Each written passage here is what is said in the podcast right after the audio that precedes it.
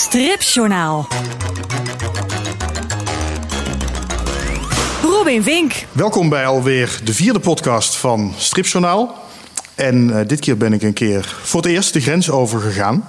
Ehm, en ben ik de gast bij eh Mero, tekenaar van de Kiekeboes. Fijn dat ik hier mag zijn. Welkom. Ja, dankjewel. Ehm het is voor jou een feestjaar. De Kiekeboes bestaan 40 jaar. Eh Fanny K. is net uitgekomen. Een beetje de, de Amoros-achtige spin-off van ehm, de Kiekeboes. Of eigenlijk van Fanny. Ehm, eh, dus ja, wat dat betreft eh, genoeg om over te praten, denk ik. Ehm, wat ik mij ten eerste afvroeg... eh Merro is je, je naam, je, je, je pseudoniem eigenlijk wat je gebruikt. Al, al vanaf begin, jarenlang, 40 jaar. Maar we hadden van tevoren even mailcontact. En dan signeer je ook echt met Merro. Dan sluit je af met Merro. Is het een soort beetje tweede naam geworden eigenlijk? Ja, eigenlijk wel. Eigenlijk wel. Eh, het is ook zo dat eh, ja, mensen hier, het, het, het publiek, eh, die kennen mij als Merho. Dus het wordt meer en meer gebruikt. En de buren zeggen gewoon Robert. Eh, Rob. Rob. Ja. Oké, kijk. Ehm, we gaan het eh, eh, uiteraard hebben over 40 jaar Kiekeboes van IK. Ehm, we gaan het even hebben over de markt, de Nederlandse markt, de Franse markt. Uh, Kiekeboes is een heel Vlaamse strip. Nou, ik ben benieuwd hoe je, dat- hoe je dat ziet. Of je nog ambities hebt om de grens over te gaan. En de toekomst van Kiekeboe gaan ze er nog 40 jaar aan vastplakken. Nou, dat zijn allemaal dingen die allemaal eh, voorbij komen dit half uur. Stripjournaal. Laten we beginnen met eh 40 jaar de Kiekeboes. Begon in 1977. Had je gedacht op dat moment... ehm, eh, had je een beeld van waar het naartoe zou gaan op dat moment? Of begon je maar gewoon? Goh, ik had wel een, een beeld. Wat ik eigenlijk wou, wou doen, ja. Ik wou zoiets doen wat Willy van der Steen ook deed. En eigenlijk eh, wou ik uitkomen waar ik nu ben. Dat was eigenlijk al, eh, ja, van in het begin was dat toch wel mijn streven. En eh, ik moet altijd denken aan een uitspraak van Charles M. Schulz, eh, de man van de Peanuts. Zowat, ja, de meest beroemde strip die er ooit gemaakt is. Ook heel succesvolle strip. En eh, toen ze hem dat vroegen, eh, ja... Had je dat nu verwacht, dat die Peanuts, dat dat zo'n succes zou worden? En toen antwoordde jij, ja. Want als ik dat niet had gedacht, was ik er nooit aan begonnen. En ja, daar is, er zit wel iets in. Eh, als je aan zoiets begint, ja, je denkt altijd en je hoopt altijd dat je daar toch wel ja, een hoofdvogel afschiet, dat je een bestseller maakt. Eh, achteraf gezien, ja, dan denk je, ja, je begint daar in je jeugdige overmoed aan. Eh, en Hoe oud was je toen? ik was toen 28 toen ik eraan begon. En dan dacht ik, ja, eh, dus dat was voor mij, ja, het lag vast. Die- dit moest lukken, dit ging lukken. Ik had ook geen plan B of zo. Nee, dit moest, moest worden. En dan is het dat ook geworden. Eh, ik heb er heel hard moeten voor knokken, dat wel. Maar toch, als ik er dan op terugkijk, dan denk ik, oh jee, wat was dat een arrogante houding. om ervan uit te gaan, ja, nee, ik ga dat eens even doen. Nou ja, als je ook de stripmarkt bekijkt in die tijd, 1977, eigenlijk alle grote strips lagen vast. Suske en Wiske was al, al, al 30 jaar eh, bezig, zo ongeveer. Kuifje, eh, ik geloof dat mensen toen nog zaten te wachten op eh, het nieuwste verhaal wat er nooit gekomen is. Schat ik zo in? Ja, was net misschien Kuifje en de Picaro's uit. Picaros is uitgekomen in, eh, in 76. Kijk, we hebben de Dat was in de tijd dat ik stiekem s'avonds zat ik de eerste schetsen te maken voor de Kiekeboes. Oh, kijk. Oh, dat eh, linkt je meteen aan elkaar. Ja. Asterix was er natuurlijk. eh Lucky. Mhm. Luke. Nou ja, alle grote strips waren er. Nero in Vlaanderen, heel belangrijk. Suske en Wiske Nero, dat was natuurlijk altijd de tweestrijd. Ik herinner me nog in mijn studententijd, als ik naar Brussel naar de tekenschool ging, dat dus heren in maatpak die op de trein zaten, die zaten daar Suske en Wiske en Nero te becommentariëren. En Oh ja, echt waar? Die, die strips hadden toen dezelfde functie, die later is overgenomen door de dagelijkse soaps op televisie. Dus je ziet er, ziet er een verschuiving eh, die er is gekomen na een tijd. Maar ik ben nog net, eh, nog net op die trein kunnen springen. En op, net op die manier heb ik die strip nog, eh, nog kunnen lanceren. Want alles wat ernaast gekomen dat succes had, zeker hier in Vlaanderen, dan denk ik aan de urbane strip, eh, de eh, FC de Kampioenen, de strip afgeleid eh, van het televisiefeuilleton. Wel, dat zijn allemaal dingen die te maken hebben met televisiebekendheid op de een of andere manier. ook dat systeem is daarna dan geperfectioneerd door Studio 100. Die hebben dat dan op, op, een, op een hele professionele en moderne wijze hebben die dat, uh, hebben die dat aangepakt. Maar Kiekeboe komt uit de poppenkast, toch? Uh, Kiekeboe komt uit de poppenkast. Mijn broer, mijn broers was leraar, uh, speelde ook toneel, is op zeker ogenblik is hij nog conservatorium gaan volgen en is dan beroeps geworden ook. Maar nog uit de tijd dat hij leraar was, dan had hij een poppenkast waar hij mee rondreisde in Vlaanderen. Dat deed hij de woensdagen, woensdagnamiddagen, de vakantieperiodes ook zeker, eindejaarsperiode. Uh, dan trad hij op voor alle mogelijke verenigingen, voor kerstfeestjes en zo. Uh, en dat speelde zich af rond die figuur van Kiekeboe. Dat was oorspronkelijk een politieagent. En uh, ja, dat, hij had aan mij gevraagd om er een kop voor te ontwerpen. En dat moest een kop zijn, een ronde kop, uh, grote neus, grote ogen, grote snor. Dat het duidelijk van op afstand te zien was in zo'n po zo'n poppenkast. En zo is die, die pop ontstaan. En is Marcel Kiekeboe ontstaan. En... Uh, ja, je had in die tijd ook Pats Poppenspel. Pats Poppenspel die speelde met Susken en Wiske. Dat was echt het, het enige professionele rondreizende poppentheater in, uh, in Vlaanderen in die tijd. En uh, ja, we dachten eigenlijk het systeem, daar was het andersom. Was het poppenspel was gaan spelen met die, die stripfiguren. Als ik nu eens vertrek vanuit die uh, kiekeboe-pop en zo is het ook gebeurd. Maar ik heb dan eens een paar pogingen gedaan om daar een strip rond te maken. Maar dat gegeven was de sumier. En dan ben ik zelf begonnen met daar die hele familie rond te verzinnen. En ja, die cast is altijd maar groter geworden. Ja, dat werd natuurlijk voor mijn broer moeilijk, want die moest die ook allemaal opvoeren. Want toen kwam die stripper. oh ja, natuurlijk. Moest uit de strip volgen. Die, die, figuren bekend. Maar je zag ook wel dat er op zeker ogenblik dat splitste. En dat groeide uit elkaar. Want eh, wat gebeurde er? In het begin was die doelgroep ongeveer gelijk. Maar naarmate de jaren vorderden, werd de doelgroep groep van het poppenspel werd jonger en jonger en de strip werd volwassener en volwassener. Dus het, het liep op zeker ogenblik helemaal uit elkaar. Ah, je, je zegt, ik heb die familie daaromheen verzonnen. Van der Steen zei altijd van ja, als Suske en Wiske ouders zouden hebben, dan, dan zouden ze alleen maar thuis zitten. Die zouden ze altijd thuis houden, zouden ze geen avonturen meer mogen beleven. Dus daarom heeft hij daar mm. dan Sidonia naast gezet, Lambiek. Maar jij hebt echt een heel klassiek gezin gemaakt. Doe nooit wat je leermeester zegt. Oh, dat is het. ja, nee, ik wou er een heel, een heel klassiek. Ja, maar dat is altijd. Je moet me niet zeggen. Uh, ja, dit is zo. Uh, met die, die axioma's van zo en zo. Dan denk ik altijd, ja, waarom? Waarom? Dat, je kan het ook anders aanpakken. Dus nee, ik kwam er een klassiek herkenbaar gezin van maken. Eigenlijk had ik meer uh, de, de, de, de strip De Snoeks van Van der Steen voor ogen. Ja. Dat was ja, een, een typische naoorlogse familie. Als je die, die strip leest, dat is echt een stuk uh, geschiedenis van de wederopbouw na de Tweede Wereldoorlog. Dat is heel mooi gedaan. Maar er waren losse kers. Ik dacht, ja, maar als je met zo'n familie werkt, maar je doet dat dan in lange verhalen, ja, dat moet toch kunnen. Ja, en, en, en het kon het blijkt. Ook, ja, blijkt ja. ook te kunnen. Heb je er ooit uh, spijt van gehad dat je van je hoofdfiguur een, een kale man met een grote snor hebt gemaakt? Uh, dat had ik al bij aanvang. Dat wist ik al van bij aanvang. Maar ja, ik zat vast aan die pop, op, poppenspelkop. Uh, en ik vond al van in het begin ik vond dat het te veel weg had van Lambiek en van Nero. Uh, ik heb er van alle ingrepen gedaan om hem dan ja, toch een beetje uh, aanvaardbaar te maken. En er liep in die tijd liep er een Amerikaans feuilleton op televisie. Arnie heette dat. En dat was over een kalende ja. Uh, een weduwnaar met twee opgroeiende kinderen. En daar heb ik me toen een beetje op gebaseerd. Denk ja, zo, hij moet zo'n beetje die kant uitgaan. Ja, okay. uh, en en, en dan, werkt, dan werkt het wel. Want hij is natuurlijk geen typische held. Maar hij is, Nee. ik vind hem ook niet een echte anti-held. Ehm, ja, het zit, er, het zit er een beetje Hij, hij, tussenin. is, hij is heel gewoon. Ja. Dat is, dat is, hij is zo gewoon dat het niet meer gewoon is. En dat is het. eh, ik, ik weet het, ik hoorde het. eh, Luc Wijns eh, heeft ooit.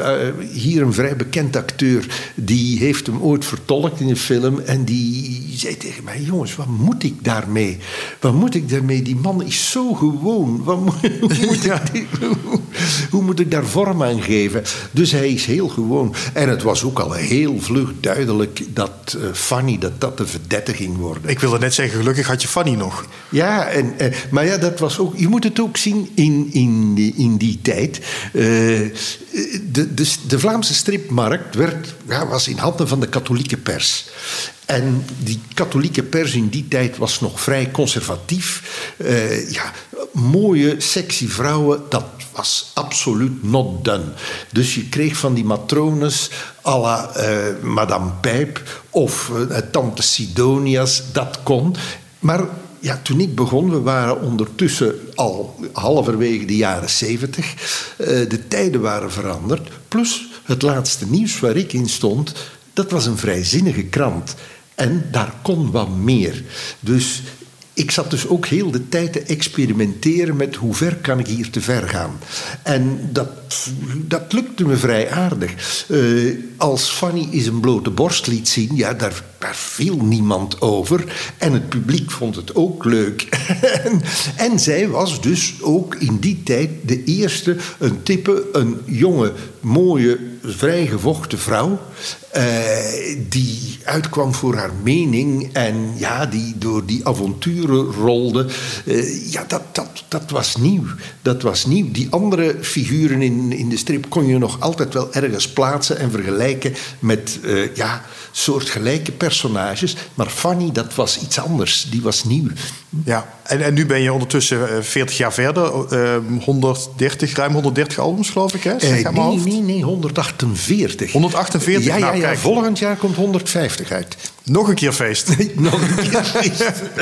Ehm, en en nou ja, nu heb je dus dat helemaal uitgebouwd en die hele familie en nog meer Mhm. figuren, de hele kiekeboerwereld eromheen. Ehm, je maakt het ook niet meer helemaal alleen zelf, hè? Eh, je hebt een aantal Nee, medewerkers. Ja, ja. Ik, heb het, ik heb het negen jaar, negen jaar heb ik het helemaal alleen gedaan. Eh, Waarvan ik de eerste twee jaar dan nog bijkluste voor Van der Steen. Ja, want je Eh, werkte bij Studio Van der Steen. ik werkte bij Studio Van der Steen en dat heb ik daarna nog twee jaar heb ik dat nog gedaan, dat ik de twee combineerde. Want Van der Steen had me laten verstaan, Van der Steen geloofde er compleet niet in dat dat ooit iets zou worden. Hij vond het niet zo fijn als zijn medewerkers hun eigen strips gingen beginnen, toch? Ja, maar ik kom, vroeger, vroeger was dat de tijd voor mij was dat inderdaad zo. Maar ja, toen ik bij hem werkte, was hij al een beetje fin carrière.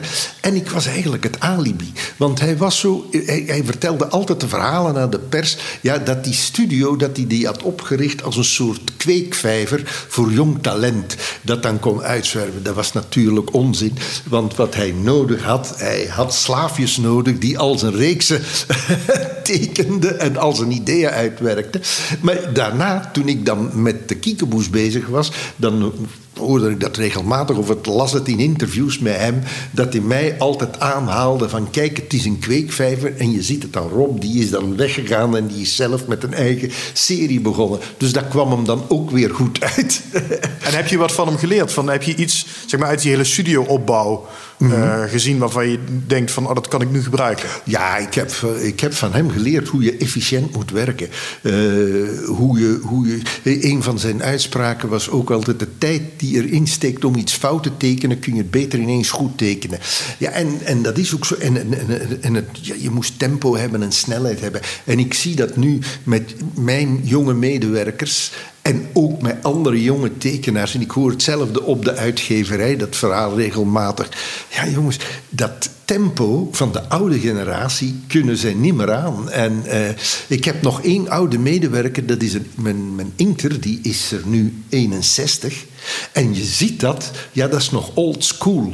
Die gaat er nog voor, dat kan. Maar die jonge, jonge generatie, dat, ja, het is ook gewoon. Mensen staan tegenover over werk ook op een hele andere manier dan vroeger. je moet quality time hebben. Dat is, ja, goed, is een goed recht. Maar ik, ik herinner me bijvoorbeeld een mooi voorbeeld. Uh, Paul Geerts, uh, die is ook zeer zwaar ziek geweest, had een hersentumor en uh, is dan geopereerd geweest. Dat is allemaal gelukkig goed afgelopen.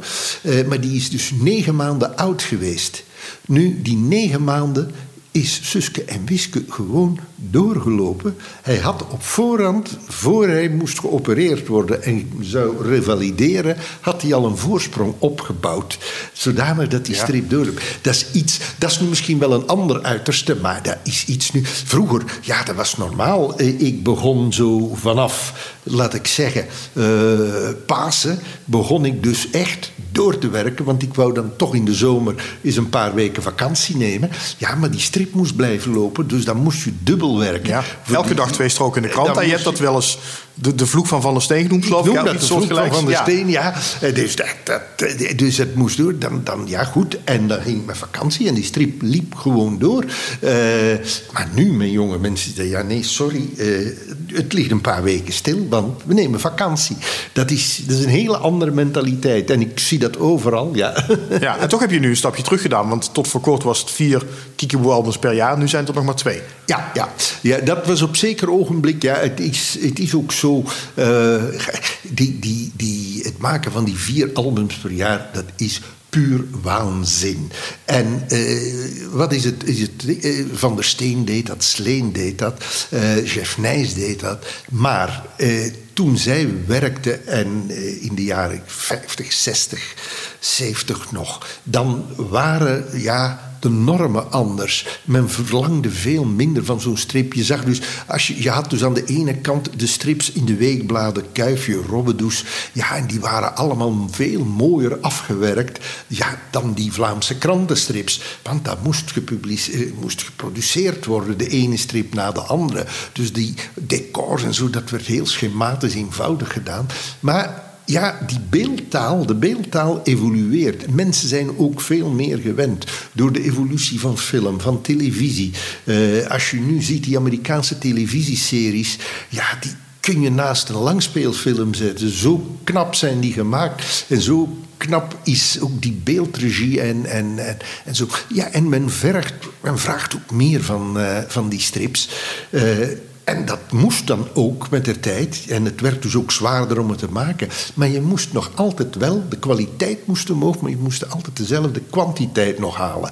En dat was, dat was puur waanzin. En ik ben op zeker ogenblik, ja, toen ik uh, eh, 65 werd, had ik zoiets van: ja, jongens, ik wil dit nog doen, maar ik wil dit op een leuke manier doen. Ik ga niet tot ik erbij neerval, op routine verhaaltjes blijven verzinnen. Waarom moet ik dat doen? Ik, daar heb ik geen zin in. Ik wil er nog eer aan halen. En toen heb ik, heb ik gezegd, ja, ik ga over op twee verhalen per jaar. Ja, dat is een, wel even een discussie geweest met de uitgever. Want natuurlijk voor hem is dat... Uh, ja, voor mij is, is, is het financieel ook minder dat ik er twee maak in plaats van vier maak. Maar dat is mijn keuze. En uh, bij, hem, bij hen is het, ja, maar dat, dat zit er meteen in de omzet. En ja, dan, dan beginnen ze zo half te chanteren. Maar je weet toch, als jij minder gaat eh, produceren, dat kost hier banen. Dan komen ze met dat soort... Oh ja, echt waar? Ja, ja, ja, ja, ja komen ze met dat soort verhalen af. Uh, en ik heb hem dat ook vlak af gezegd. Ja, daar moet je me niet mee afkomen, want dit vind ik niet netjes als argumentatie. Maar en toen heb ik voor mezelf besloten, ik wil nog twee verhalen per jaar maken. En, uh, maar die moeten dan ook beter zijn dan de verhalen die ik vroeger maak. Uh, en dat is ook zo. En je ziet het ook aan ja, de, de albums, zeker de, de, de albums die vorig jaar zijn uitgekomen. Uh, je ziet dat er meer zorg besteed is aan het scenario. Uh, de, de, opbouw van de plot is beter. Je ziet het ook aan de tekeningen. Je kan dus meer en ook met medewerkers bij. Want ik doe het ook niet allemaal alleen, maar het moet wel gebeuren. Uh, want die doen er ook een uur over. Je, we kunnen het mooier maken. En ja, ik maak nu strips dat ik zeg: hé hey, ja dit vind ik prettig nog om te doen. En dan vind ik het, vind ik het aangenaam om ermee verder te gaan. Ja. En eh, komt dan ook bij dat ik dus niet meer dagelijks in de krant sta. En de afspraak met de krant is nu, als er een verhaal klaar is, eh, dan komt het in de krant, maar niet meer aan twee stroken per dag, maar aan een pagina per dag. Eh, het heeft ook te maken, maar dat is al heel lang, dat die twee stroken, mensen willen, willen meer lezen. Dat is die, die, al die kleine dingetjes, eh, dat hebben ze in, in, in het weekblad Kuifje en Robbedoes, hebben ze dat ook al op zeker moment in de jaren tachtig, om, om die strips in grotere brokken te geven, eh, was ook al die evolutie. Dus ik zet nu een volledige pagina en ik zit niet meer vast aan die wafelstructuur van die vier stroken. Want het, eh, nu kan ik meer dingen doen. Ik kan spelen met de layout van mijn van mijn bladzijden en zo. En dat is natuurlijk, dat geeft een hele nieuwe dynamiek aan die strip. En dat maakt ook ja, dat die er mooier en moderner uitziet. Ja, ja. Van, van al die 148 albums, zit kun je een favoriet noemen? Het wisselt. Het wisselt wel eens. eh, eh, van, van, eh, van de laatste vind ik bijvoorbeeld Gebroken Zwart. Dat is een album van vorig jaar. Dat vind ik wel een, een heel geslaagd album. Dan, ja, wat nog? Vrolijke, vrolijke vrienden van een paar jaar geleden. dat teruggaat naar de jeugd van Marcel Kiekeboe. Dat is ook een album dat ik, dat ik vrij tevreden over wel bij ben. mijn favorieten, ja. Ja, ja. Ik, ik moest aan een ander denken die er voor mij in ieder geval dat heel erg uitspringt. Ehm, album 26. Ja, ja, hij is nu net heruitgebracht, gerestaureerd. Want dat was nodig, eh, opnieuw gekleurd, opnieuw geletterd en zo. Eh, ja, die Ik, is, ik, ik leg hem wel even uit voor mensen die Kiekeboe niet kennen. Ja, ja. Want album 26 is, is het 26e album. Heel experimenteel. Je hebt hem maar gewoon album 26 genoemd omdat er geen titel op zit. Mhm. En je bent constant aan het spelen met het mediumstrip eigenlijk. Ze Ja, lopen ja, ja. tegen, tegen kaders aan. eh, eh, eh, ze, ze, ze oefenen met tekstballonnetjes. Je, je ziet op een gegeven moment een, een, een, een soort filmachtige setting met decors... waarin dan de strip opgenomen wordt. Mhm. Dat soort rare dingen zitten er allemaal in.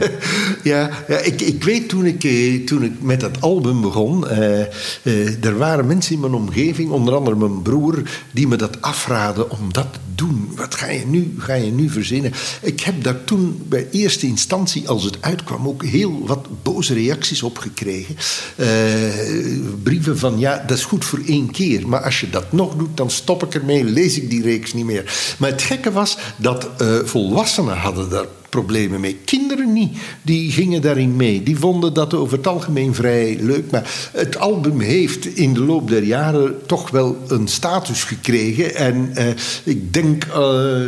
Als ik kom te overlijden, als ik aan één eh, album, door één album herinnerd word, dan zal het album 26 zijn, denk ik. Hij is een keer verkozen tot de beste Vlaamse strip of zo, geloof ik. Het is zelf, nee, zelfs meer. Dat was de, de eh, luisteraars van Radio 1, twee of drie jaar geleden was het, hebben het uitgeroepen tot de beste Belgische strip aller tijden.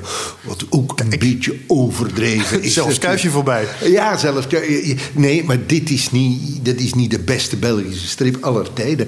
Nee, dit is gewoon, dat zegt iets over de populariteit van de kiekeboes. Dat is het. Stripjournaal. Robin Vink. We, we zitten zo, ik, ik zit even te kijken, we zitten inmiddels eh, al eh, bijna een half uur op te nemen. En ik heb nog zoveel, ik heb nog zoveel vragen. Vind je het goed dat we hem gewoon een beetje oprekken? Ja, tuurlijk. Ja, want we moeten nog even over Fanny K hebben. Ja, ja. Ehm, een beetje de, de Amoras-achtige spin-off van eh, de Kiekeboes, maar dan met Fanny als hoofdpersoon. Ehm, hoe is dat zo ontstaan? Goh, het past in de strategie van de uitgeverij. Dat is al een paar jaar bezig. Dat is begonnen met Amoras. Eh, dat men op zeker ogenblik eh, zegt... ja, eh, we moeten niet gaan... we denken nog te veel vanuit stripreeksen. We moeten meer gaan denken vanuit de personages. Ook een trend in Frankrijk zie je dat ook gebeuren. In Amerika zie je dat ook. Dus dat je, dat je dus meer ja, kijkt... wat kunnen we met die personages doen? Kunnen we die ouder maken? Kunnen we die jonger maken? Kunnen we die uit hun comfortzone halen en daar iets anders mee doen? Eh, zo is het ontstaan. Zo is Amoras ontstaan. Eh, wat meteen een, ja, een zeer groot succes was. Eh, en ja, toen, uiteraard, we, willen het met, willen met andere reeksen ook doen. Ook met de kiekeboes, ja, en dan kom je automatisch uit bij Fanny. Er is een groot verschil met Amoras. Amoras was echt een duidelijke breuk met Susken en Wiske. Bij mij is het minder, omdat ja, die strip voor mij is ten eerste later ontstaan en altijd met zijn tijd mee geëvolueerd. de, de, Fanny had haar vriendjes en Fanny ging met haar vriendjes naar bed en daar werd niet moeilijk over gedaan. Eh, er kwamen in, in, in de kiekeboes kwamen homo's in. Er is een echtscheiding in geweest. Transgenders, dat kwam allemaal en, en dat kon allemaal. Zelfs... Eh, onderwerpen als incest en zelfs pedofilie is behandeld in de kiekeboes. Als dat op een ja, verteerbare uh, manier kan en je hebt een humoristische insteek, dan kon alles. Kon en kan alles. Dus wat dat betreft ligt het anders. Maar we zijn gewoon gaan denken, ja, eh, die figuren worden niet ouder. Dat is zo in, in die strip, die houden hun leeftijd. Maar wat als ze nu wel ouder zouden worden? Wat zou er gebeuren als Fanny vijf jaar ouder is? Als zij het huis uitgaat. Ze wil carrière maken. En ze, ze is een jonge vrouw die aan het begin van haar leven staat. Aan het professionele leven. Eh, alles wat erbij komt. Problemen met mannen en al dat soort dingen. Als we daar ons eens op focussen. En dat is het vertrekpunt geweest van, uh, van Fanny K. En was je meteen enthousiast? Ik was, meteen, ik was er meteen voor te vinden. En uh, ik heb ook vrij vlug samengezeten met Tony Koppers. Tony Koppers die het, uh, die het schrijft. Tony Koppers is in Vlaanderen een vrij bekend misdaadauteur. Een succesvol misdaadauteur. Uh, is ook verfilmd voor televisie. Is een vriend van mij. En zijn hoofdpersonage uit zijn, zijn, zijn thrillerreeks... dat is een vrouw. En hij weet heel goed hoe hij de vrouwelijke psyche moet, moet beschrijven. Dat voelt hij heel goed aan. En ja, eh, ik, ik, op zeker ogenblik dacht ik, ga het aan Tony vragen. Want Tony kent ook mijn serie, leest ook mijn, eh, mijn, eh, mijn verhalen. Dus we moesten het aan elkaar niet uitleggen. En dan zijn we gaan samenzitten erover, want Tony was meteen enthousiast om het te doen. En dan zijn we gaan brainstormen. Wat kunnen we doen? En ja, eh, we waren het eigenlijk over alles eens. En, en we hebben allebei dingen aangebracht. En ik, ik las van de week nog een interview met Tony. Dat hij zei: Ja, eh, ik weet tot een duur niet meer eh, wie wat heeft aangebracht. En dat is ook zo. We hebben er samen aan gewerkt. En ja, hij heeft toen een eerste, een eerste scenario geschreven. Dus voor het, de eerste cyclus, want het wordt een cyclus van drie albums telkens. En, uh, ik dacht met een paar kleine aanpassingen, dacht ik, zou het ook zo'n kiekeboe-scenario kunnen zijn. Ik heb, dat heb ik, heb ik hem ook gezegd toen, uh, toen hij mijn eerste scenario uh, doorstuurde. En dat is het ook geworden, want er zijn een paar details veranderd, maar eigenlijk niet zo heel veel. Toen heb ik gezegd: Tony, als dit project niet doorgaat, dan maak ik daar een de kiekeboes van. Want dit is zo'n mooi verhaal. En hij schrijft ook zo'n prachtige dialogen in, in hele dingen. Ja, dat is, kun, je, kun je zo gebruiken. En, is, maar is het verschil tussen Kiekeboe en Fanika dan wel groot genoeg? Het, is, het is wel, ja, ik denk het wel. Het, is een andere Fanny. En ook de benadering is anders. Bijvoorbeeld het, de spanning die er bestaat tussen Fanny en haar drie vriendinnen. Want, en haar twee vriendinnen, uh, Tomboy en Alanis. Die drie meiden die spelen eigenlijk de hoofdrol in, in de serie.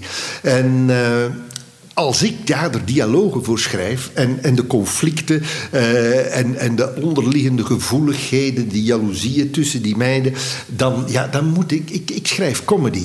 En dan moet je dus, ja, je moet one-liners schrijven en dan moet je, ja, dan moet de mitraillet uh, zijn, dat moet tak, tak, tak, tak moeten dat uh, korte zinnen zijn en er moet gelachen worden. Nu, die karakters blijven bij Tony blijven die hetzelfde, maar hij schrijft het op een andere manier, veel subtieler. Bij hem is het zoals je het in een roman zou beschrijven. Dat, dat, daar ligt, ligt, een groot verschil. En, uh, en ook ja, uh, de opbouw van de verhalen. Er komen, zoals in het eerste, in het eerste verhaal ook bijvoorbeeld, het draait rond uh, huiselijk geweld.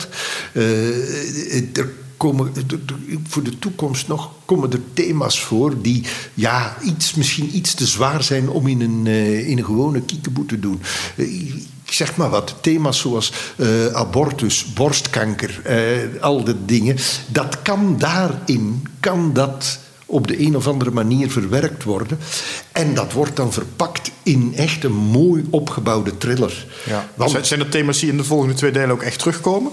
Uh, dat zijn, we hebben een hele lijst op het ogenblik. Dus nu niet direct in de eerste cyclus, maar we hebben een hele lijst met thema's wat, er allemaal, wat we nog allemaal kunnen doen ja. naar de toekomst toe.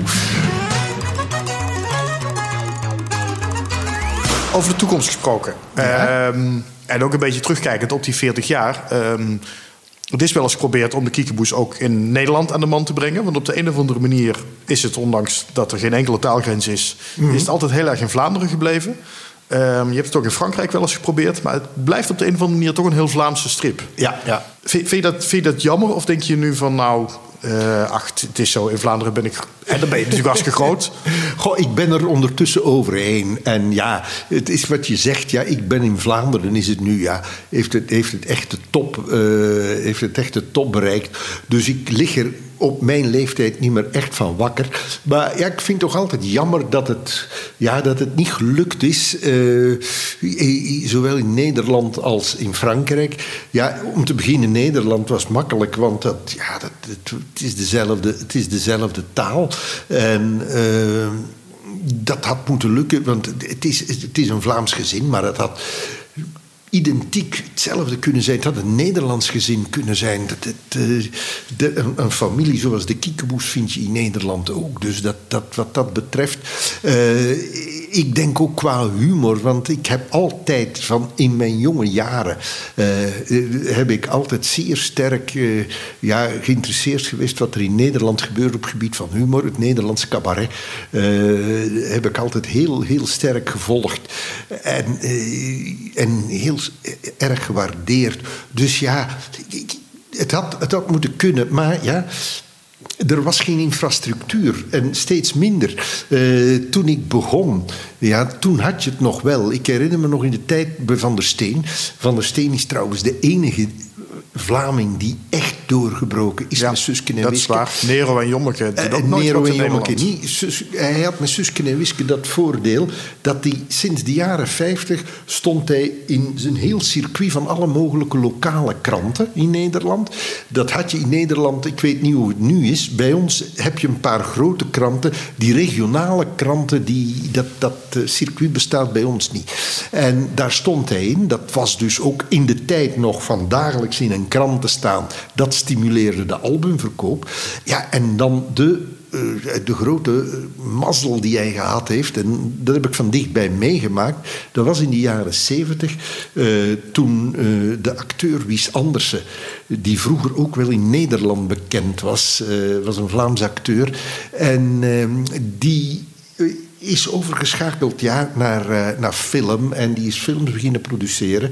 En die, is, uh, die kwam met het idee af voor een, een tv-serie rond Susken en Wiske. En dat zijn die poppenfilms geworden. En ja, met het bekende liedje. Suske en Wiske en tante Sidonia. En de Tros heeft dat uitgezonden toen. En VRT heeft het uitgezonden. Maar dat kwam dus op de Tros. En ja, je zag dat ineens dat begon te boemen op een paar jaar tijd. Ik herinner me, eh, toen ik begon in 1970 eh, bij Van der Steen... toen gingen Susken en Wiske voor Vlaanderen en Nederland samen op 100.000. En ja, hij was zo gelukkig daarmee... want dat was iets wat hij altijd graag had gehad... dat hij zijn strip op een oplage van 100.000 uh, eh, kon krijgen. Nu, ik ben weggegaan in 76 en toen stond de oplage van een nieuwe Susken en Wiske op 400.000... Eh, daar heb ik zelf geen enkele verdienst aan.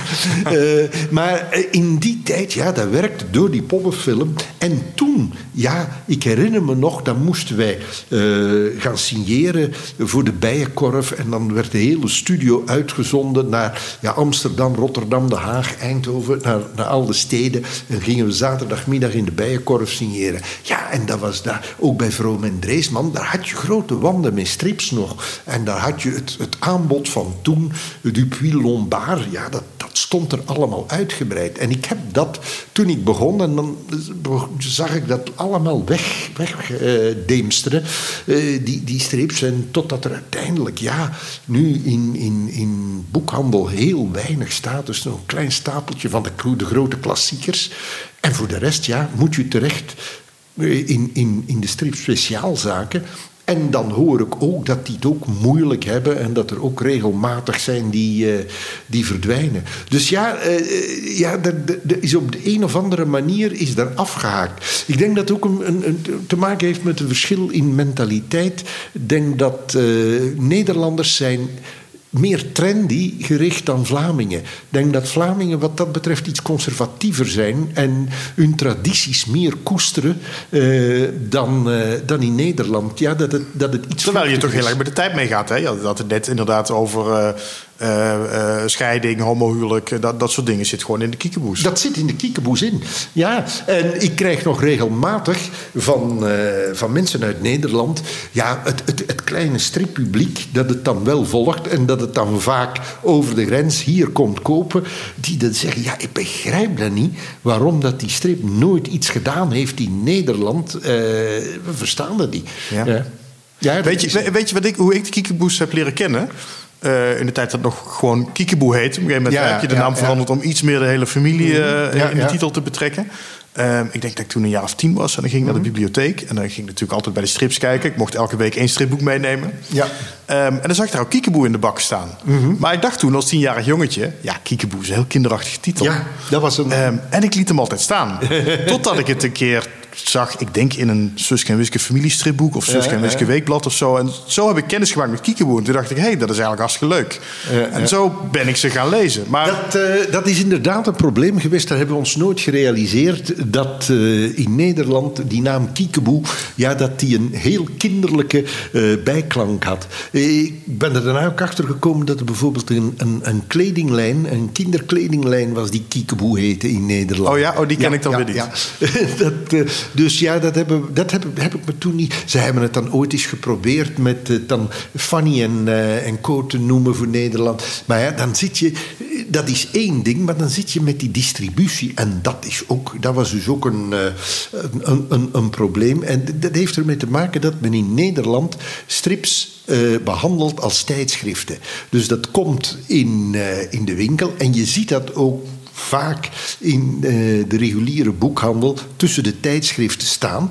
En dan zoals het ook met een tijdschrift is, dat staat er even en op korte termijn, hop, gaat dat eruit.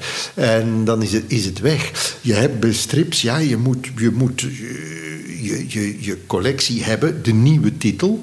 En dan ook de backlist, wat we zeggen, dus de oude titels. En er moet ja, altijd een voorraadje aanwezig zijn met die grote reeksen Zoals Susken en Wiske, Jommeke, ik nu ook ondertussen. Als je bijna aan 150 titels zit, ja, je kan niet verwachten dat heel die, die serie altijd in, in, in de winkel staat. Nee, maar er moet toch altijd ja, een voorraadje zijn dat er een keuze is uit de oude titels. En dat is iets wat je ook in Nederland, in Nederland niet ziet. Ja. Ga je nog een keer proberen in Nederland? Of denk je nu van nou, dat, dat Goh, is ik, geweest? Ik, ik, denk, ik denk dat... Ik, ik vind het heel, heel erg, maar ik denk dat Nederland wat dat betreft een, een verloren. verloren zaak is. Ja, ja heel jammer. Maar Fanny K misschien? Of mis je dan de koppeling met, uh, met het origineel? Goh, uh, ach, ja, maar je kan Fanny K kan je lezen zonder uh, dat je de, de, de basisserie kent. Want we zouden willen proberen om Fanny K ook in het Frans uit te brengen. daar zijn al eerste gesprekken mee, maar dat is ook niet zo eenvoudig. Alhoewel we werken met een Franstalige tekenaar, die ook al in, in, uh, in de Franstalige wereld uh, wat bekendheid heeft. Maar toch, het, het, het, blijft, het blijft, een moeilijke, het blijft een moeilijke oefening. Stripjournaal. Even terug naar Kiekeboe. Ja. Uh, 40 jaar. Mm -hmm. is, is er over 40 jaar ook nog? Goh, dat weet ik niet. Uh, ik zal er alleszins niet meer zijn. Dus, maar, maar, heb je iets geregeld? Uh, nee, ik heb nog altijd niks geregeld. Omdat ik, dit is, als er één ding is waar dat ik s'nachts van wakker lig, dan is dat van hoe dat, dat verder moet. Ja, natuurlijk, ik zou graag hebben dat dat nog verder zou leven. Uh, ik zou het heel, heel prettig vinden. Maar ja, het is ook moeilijk. De sterkte van de kiekeboes is ook meteen zijn zwakste punt. Het, het, de kiekeboes, het succes van de kiekeboes hangt eigenlijk voor een groot stuk af van mijn manier van vertellen, mijn manier van naar de wereld te kijken, mijn humor. En we hebben al experimenten gedaan met, uh, met andere scenaristen. Het is heel moeilijk om dat door te geven, om dat over te nemen, diezelfde stijl van vertellen. Gewoonlijk is het zo, als ik met een scenarist werk, dat hij me een basisscenario bezorgt. Een, een, een synopsis dat ik zeg, ja, en liefst een die mooi in elkaar zit. En dan kan ik daarmee verder. En dan begin ik erop te freewheelen, laat ik mijn personages erop los. Maar een ander... Ik, ik heb het nu eens voor één keer gedaan. Voor het, het album dat nu in, uh, uitkomt in, in, in september. En uh, daar heb ik Peter van Gucht voor ingeschakeld. De scenarist van Susken en Wiske. En Peter had me een reeks thema's voorgesteld. Zou dit, dat of dat kunnen doen? En daar heb ik er een stuk of drie uitgehaald. Zeg dat, dat en dat vind ik interessant. Kun je dat nu eens combineren tot één verhaal, die drie dingen? En dat heeft hij gedaan en hij heeft een mooie basisplot geschreven. Ik heb hier en daar een paar dingen herzet, maar in zijn totaliteit heb ik dat behouden. En zeg, ja, dit zit goed, ik ga dat maken. En uh, dan heb ik het hem ook eens laten uitschrijven, zoals hij een Suske en Wiske uitschrijft. Pagina per pagina met de dialogen en hele dingen. Ja, hij heeft dat gedaan. Ik heb het uiteindelijk niet gebruikt. Ik ben gewoon opnieuw beginnen te schrijven. En dan moet ik denken aan, aan, aan Hergé en uh, aan, aan het verhaal uh, Tintin et les Thermogènes, dat geschreven werd door Greg. Uh, ergens, denk in, in, in, in eind jaren 50 dat het zich afspeelde. En Greg had eigenlijk een, een heel goed verhaal geschreven. Greg kon scenario schrijven. En hij had een afgewerkt kuifjesverhaal gemaakt en dat aan Hergé gegeven. En Hergé zag dat wel zitten en die is daaraan beginnen schetsen, ruwe schetsen, want er, zoals er daarin hangt, want er zijn er sommige zijn er. Zijn er nou, hangt een hele mooie uh, originele kuifjeplaat aan de muur gewoon. Wauw, die had ik nog niet gezien. Ja, het is geen origineel, het is, oh. het is een lied. Als het een origineel zou zijn. Nee, nee. Ja, dan moet je hier niet zo voor het raam hangen. Nee, nee maar uh, hij heeft er zo een stuk of vijf pagina's uitgeschetst en na de tweede, de derde pagina begon hij al af te wijken van wat uh, Greg geschreven had. En na vijf, zes pagina's heeft hij het gewoon laten, heeft hij het opgegeven. Heeft, is er niet aan verder gegaan. En, en Hergé zei toen, en dat vind ik zo herkenbaar. Hij zegt, ik kon zo niet werken. Want ik, als ik daaraan schrijf en mee bezig ben, ik wil verbaasd worden door mijn eigen invallen. En dat is het inderdaad. Dat is de nagel op de kop. Ja. Um, maar dat betekent wel, even terug naar dat je zegt... ik, ik lig daar s'nachts wakker van. Hè, van mm. hoe, hoe zou het op een zeker moment verder moeten? En ik denk eigenlijk niet dat iemand anders het goed kan overnemen. Dat betekent bijna dat er ergens een moment moet komen... dat je echt een laatste verhaal gaat maken. Ja, ik, ik, het zal op zeker moment... Goh, het, het, tekenwerk is, is minder moeilijk. Ja, je vindt tekenaars trouwens. Ik heb nu met mijn medewerkers... een van mijn twee medewerkers... die kan al voor een stuk zelfstandig werken. Dat, uh, ik zie wel verschillen met de basisstijl. En oké, dat mag dan. En uh, het groot publiek valt dat niet op. maar bon. Maar ja, die verhalen, dat, dat is een punt. En ik denk dat ik op zeker ogenblik moet, moet zeggen: ja, oké, en dit was het. En nu moet iemand anders het doen. En ik heb ook al voor mezelf uitgemaakt: als dat zo is dan bekijk ik het ook niet meer. Ik wil het ook niet weten en ik lees het ook niet wat iemand anders schrijft. Want ik weet, als ik het dan toch ga bekijken, dan ga ik me weer mee moeien. En dan wil ik er toch weer van alles aan veranderen en doen. Dus laat het maar gebeuren, gebeuren. En als ik er niet meer ben, ja, dan mijn dochter moet dan maar beslissen wat er gebeurt. En dan mag ze ermee doen wat ze wil. Ik weet het toch niet meer. Nee, nee. Maar ja, als de, als de uitgever al moeilijk doet als je van vier naar twee gaat per ja, jaar, ja. dan gaan ze helemaal moeilijk doen als je gaat zeggen, nou, dit ja, wordt de laatste. Ja, ja maar dat is ook in, in, in, die, dingen, in, in, in die filosofie dat men begint met die spin-offs. Want uh, ja, je zit op dit ogenblik, als je dus ziet, uh, een succesreeks, dus Susken en Wiske, uh, Urbanus, de kampioenen en zo. De meeste van die mensen uh, die daaraan werken, die zijn de 60 al gepasseerd. Dus ze beginnen met toch ja, een, uh, een bejaardentehuis aan auteurs te zitten. Dus ze moeten ze toch aan denken dat ja, dit blijft niet eeuwig doorlopen. En daarom, ja, ik hoop van ganser harte dat het publiek meestapt uh, ja, in, in, in, in, die, in die klik kan maken naar Fanica. Want ja, dat, dat biedt nieuwe mogelijkheden en dat uh, opent nieuwe horizonten.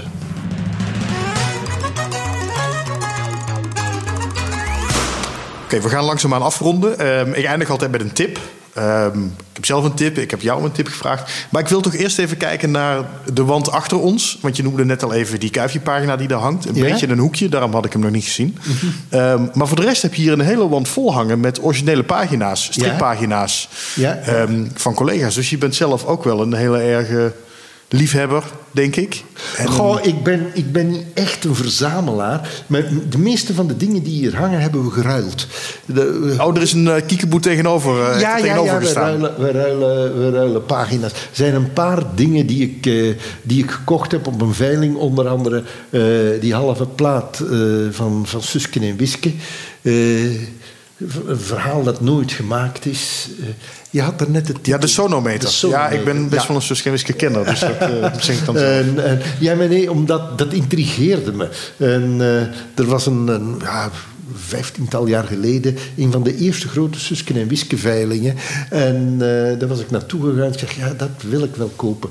Want ja, dat intrigeert me iets waar hij aan begonnen is van de steen en niet afgewerkt heeft. Dat is zoiets wat laat nog dromen. Wat had het kunnen worden? Ja, dat is fascinerend. Hè? Ja, het was voor de blauwe reeks bedoeld, maar uiteindelijk ja, ja, om een kuifje te verschijnen. Maar hij heeft het nooit Dit afgemaakt. vind ik nog nee. altijd de grote ja, uh, fout. Als er één fout is die Van der Steen in zijn carrière gemaakt heeft, vind ik dat hij gestopt is met die blauwe reeks. Vond hij zelf ook, toch? Uh, ja, ik, ik, hij had dat moeten. Hij, heeft op zeker ogenblik de switch gemaakt voor, voor, voor uh, de, de, de Vlaamse markt te gaan werken. En dan zo'n heleboel nevenreeksjes te gaan maken. Hij wou een soort monopolie hebben hier. Dat is hem toen ook gelukt. Maar daar heeft hij een internationale carrière voor opgegeven. Want uh, had hij dat doorgezet, dan was nu Suske en Wiske internationaal bekend. En dat was een, een. Hij had de deur op een kier gezet om de rest van de Vlaamse strips ook naar buitenland te krijgen. En ik vind het nog altijd jammer dat hij dat niet gedaan heeft. Dat hij, ja. dat hij die, die reeks heeft stopgezet. Het levert wel een mooie halve pagina op hier inderdaad. Wat hangt er nog meer? Ik zie Nero daarboven hangen. Ik zie uh, Urbanus, zie ik. Ja, uh, uh, daar hangt dan een klein, een klein herzeetje.